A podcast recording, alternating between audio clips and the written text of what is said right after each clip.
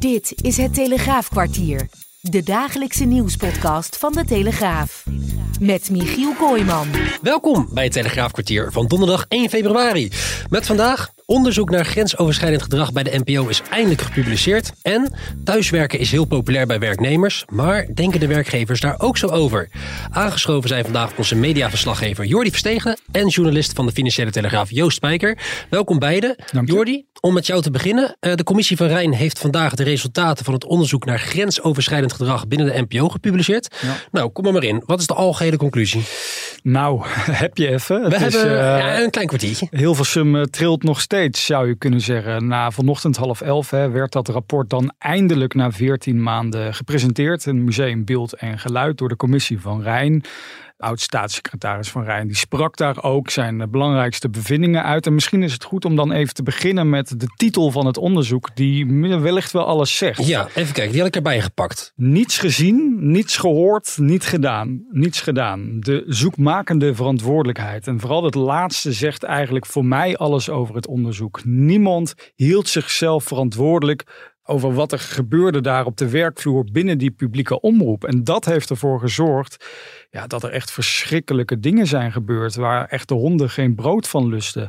Het hele onderzoek dat, dat nu hè, gepubliceerd staat op de site van die onderzoekscommissie. Daar, daar kun je eigenlijk in passages lezen, al dan niet geanonimiseerd, wat mensen hebben meegemaakt. Bijvoorbeeld eh, dat iemand vroeg van wil je mijn wortel zien? Wil je me pijpen? Eh, maar ook heel erg ver dat er geschreeuwd werd naar werknemers. Dat eh, leidinggevenden met mensen die iets lager in een organisatie zaten naar bed gingen. Het is echt enorm pijnlijk wat daar gebeurd Ja. die publieke omroep. Als je het zo leest, veel seksueel getinte opmerkingen die over en weer vliegen. Die ja, voor een zeg maar, onveilige werksfeer eh, zorgen. Ja. Je gaf al aan, 14 maanden hebben ze onderzoek gedaan. Dat onderzoek hebben ze niet afgeraffeld. Nee. Waarom heeft het onderzoek zo lang geduurd?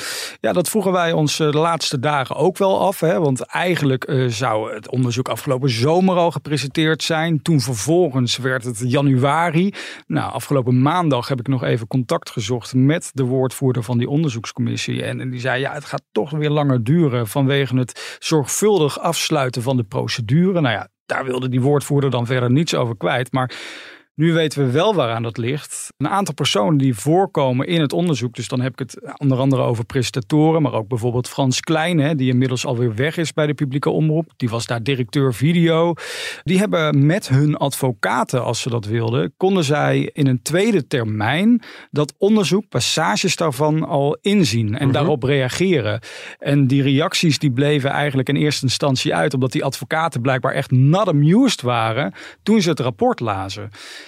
En dan moet ik toch even uitleggen waar dat aan ligt. Ja, want, eh, Want ja. je zei net dat dat onderzoek dat is gepubliceerd, maar allemaal geanonimiseerd. Dat is geanonimiseerd. Maar ja, als er staat de presentator op de werkvloer bij DWDD, Joost. Ja, dat hoef ik Ja. jou niet uit te leggen. Dat is... eh, Dat, dat is Matthijs van Nieuwkerk. Precies, dat is niet Robert ten Brink. Dus ik denk dat eh, de advocaten daarover gevallen zijn. Omdat eh, de afspraak die er eigenlijk ehm, door de commissie met de NPO is gemaakt. Is dat het geen persoonlijke afrekening zou worden met mensen in het vak. Het moest vooral iets zeggen over wat is er in een breder kader misgegaan. En hoe kunnen we het in de toekomst beter doen. Maar ja, door het schetsen van situaties, en dat gebeurt dus in dit rapport, kom je er niet aan onderuit om inderdaad wat specifieker te worden. Ja, en daar zijn die advocaten dus over gevallen. En, en, ze dreigden zelfs al met de rechtszaken. Ik vraag me af, met vandaag dat rapport op tafel. Zij hebben ook niet het hele rapport vooraf kunnen inzien, maar stukjes daarvan. Ik denk dat je het vandaag toch niet kan zeggen van we stappen naar de rechter. Want er ligt toch wel een serieus boekwerk op tafel waaruit blijkt dat het echt, echt stevig mis daar is daar bij de NPO. Ja, dus die advocaten hebben geprobeerd het zo lang mogelijk uit te stellen voordat dit onderzoek werd gepubliceerd. Dat is nu gepubliceerd. Ja. Nou, de voorbeelden liegen er niet om. Maar wat zijn nu dan de gevolgen? Ik bedoel, Matthijs van Nieuwkerk is al vertrokken. Frans Klein is al vertrokken. Misschien goed om even bij Matthijs van Nieuwkerk te beginnen. Hè? Want daar was vooraf al discussie over. Die is namelijk naar RTL gegaan. Nou ja, eh, mensen keken echt met verbazing naar RTL, naar Peter van der Voorst en Sven Sauvé. Waarom ze hem in godsnaam al een contract hadden gegeven. Zonder dat er een onderzoek op tafel lag. Zij gaven toen als RTL aan van ja, het duurt nu wel heel lang. Wij zijn al heel lang in gesprek met Matthijs. Dus ja, we zien geen andere uitweg dan nu dat krabbeltje eronder te zetten. Maar ja, ik denk als zij vandaag dat onderzoek lezen. Ik heb net RTL benaderd voor een reactie. Ja, ik denk dat zij toch wel een stevige reactie moeten geven hierop. En ik vraag me heel eerlijk gezegd af of Matthijs in april daar al zijn programma kan maken met dit rapport. Tegelijkertijd kan RTL zich er ook achter verschuilen en zeggen: nou ja, kijk, dit onderzoek laat er grote lijnen zien hoe het er bij de NPO aan toe gaat. Het is niet specifiek toegespitst op Matthijs van Nieuwkerk. Laten hem lekker zitten. Nou, het is in ieder geval duidelijk dat hij niet de enige boosdoener is binnen de NPO. Dus dat is dan nog de enige schale troost voor hem. Weet je, aan de andere kant, eh, wat Van Rijn vanochtend ook zei: dit onderzoek is niet bedoeld om koppen te laten rollen binnen de NPO. Nee, maar dat kan je niet voorkomen dat er koppen gaan rollen. Ja, precies. Het, is nog maar de vraag of inderdaad bepaalde mensen kunnen aanblijven. Nou, een aantal hè, mensen zijn ook al weg. We hadden het net over Frans Klein, die is natuurlijk al weg. Matthijs is in principe al weg. Dus er zijn al een aantal mensen weg die hè, eh, groot in dit onderzoek naar voren komen. Ja, ik denk dat het vooral een kwestie wordt van praten. En er worden 15 aanbevelingen gedaan hè, door de commissie aan het einde van dit rapport. En daarin wordt er dus onder andere gezegd dat prestatoren beter begeleid moeten gaan worden. Dat ze nou ja, nog meer cursussen moeten krijgen. Want er zijn de afgelopen jaar zijn er echt al cursussen ingevoerd voor leidinggevenden, maar ook voor prestatoren van. Uh, wat voor cursussen zijn dat? Ja, zo, eh, zo scheldt je je medewerkers niet uit? Ja, precies. Ik vraag me ook af wat voor. We zijn daar niet bij geweest. Maar ik denk dat je er wel aan moet denken van ja, hoe ga je met stresssituaties om? Bijvoorbeeld. En natuurlijk, hè, wat hier in het rapport omschreven wordt, is echt extreem. Maar kun je voorkomen op een werkvloer, waarbij bijvoorbeeld een, een dagelijkse talkshow uh, wordt gemaakt, kun je daar voorkomen dat er niet dit soort situaties zich voordoen? Laten we hopen dat het minder wordt, maar helemaal voorkomen ga je dat niet. Eigenlijk het belangrijkste is van hoe ga je er dan vervolgens mee om? Ja. Hoe zorg je ervoor dat je elkaar op de werkvloer aanspreekt op je verantwoordelijkheid? En dat begint al met kleine dingen die je niet helemaal lekker vindt lopen. Weet je wel? Dat als iemand eh, in de kleedkamer uh, met stemverheffing tegen je begint te praten, dat je dan niet denkt van ik durf nou niks tegen jou te zeggen, leidinggevende. Ik krop het op, maar dat je dat dan meteen maar zegt. Daar zit het hem al in. En dat kon in het verleden niet, of tenminste dat gebeurde niet. Nee. En in het onderzoek staan daar ook dingen over dat het te maken heeft met machtsafhankelijke situaties? Of onder andere durft het niet? Onder andere. En, en leidinggevenden die ook andere leidinggevenden weer niet durfden aan te spreken op bepaald gedrag. Of durfden, of het gewoon niet deden. Of dat. Kijk, de NPO, en dat Joost weet dat misschien ook vanuit jouw verleden bij de NPO. Je hebt daar ook gewerkt, hè, natuurlijk. Het zijn allemaal het zijn productiebedrijven die dan weer werken voor omroepen. En die hebben dan ook weer andere freelancers in dienst. Dus er werd heel erg weggekeken bij wie heeft nou eigenlijk de eindverantwoordelijkheid. En wie is er nou eigenlijk eindverantwoordelijk voor dat bepaald gedrag niet eh, door de beugel komt. Dat is ook de titel van het rapport. Precies. En dat moet aangepakt worden. Ja. En wat uit die aanbevelingen gaat ervoor zorgen dat die zoekgemaakte verantwoordelijkheid, zoals dat zo mhm. mooi heet in de titel van het rapport, dat die verantwoordelijkheid door iemand genomen gaat worden. Nou, ze willen dus de kwaliteit van leiderschap gaan aanbieden. Er wordt heel vaak gezegd, als er iemand bijvoorbeeld binnen de Telegraaf heel goed is eh, in zijn werk als journalist, dan wordt gezegd, oh, dan kunnen we die ook wel chef maken van een bepaalde redactie, want dat zou die dan ook wel kunnen. Alleen er is natuurlijk wel een verschil, en nu noem ik de Telegraaf als voorbeeld, maar dat geldt voor ieder bedrijf. laat dat duidelijk zijn. Er is natuurlijk wel een verschil tussen uh, een goede journalist zijn en een goede leidinggevende zijn. Dus daar wil de NPO echt in gaan investeren om meer coachend, zoals dat dan heet, leiding te gaan geven. Maar ja, goed, dat is een project van de lange adem, uh, lijkt mij. Ja, en daarmee kan je niet vermijden dat er dan nog relaties ontstaan tussen leidinggevende en ondergeschikten. Ja, eh, ik denk wel dat dat moeilijker wordt ja. de NPO na dit rapport. Ja, omdat er echt wel uh, duistere situaties worden omschreven tussen bijvoorbeeld werknemers die een relatie hadden met hun werkgever of leidinggevende in ieder geval. Die relatie die ging dan vervolgens uit. En dan werd er gezegd van uh, je kan verdwijnen van de redactie. Dat gebeurde binnen de NPO. Ja. ja. dus dan vraag ik me af of er in de toekomst niet strenger gekeken gaat worden naar relaties binnen de werkvloer. Ja, ja, logisch, goed punt. Jij houdt het dossier goed in de gaten. Je schrijft er vanochtend al over, vanmiddag en vanavond en morgen in de krant. Kan je er alles bij ons over lezen, over dat rapport uh, waarin uh, nou ja, toch wordt afgerekend met de cultuur binnen de NPO. Dankjewel voor nu, Jordi Versteegde. Gaan wij door, ja, we blijven op werkvloeren. Joost, Joost Spijker, jij bent uh, journalist op de redactie van de Financiële Telegraaf. En we gaan het hebben over thuiswerken in combinatie met corona. Want corona is er niet meer. Dus, zou je kunnen zeggen, mensen kunnen weer naar kantoor. Nou ja, en dat uh, gebeurt ook wel. Uh, thuiswerken is natuurlijk wel echt dolgebroken en een blijvertje zou je kunnen zeggen. Zeker in, in Nederland zie je dat het aantal mensen dat thuiswerkt gewoon enorm is toegenomen. En dat dat ook ja, niet heel erg terugloopt de laatste tijd.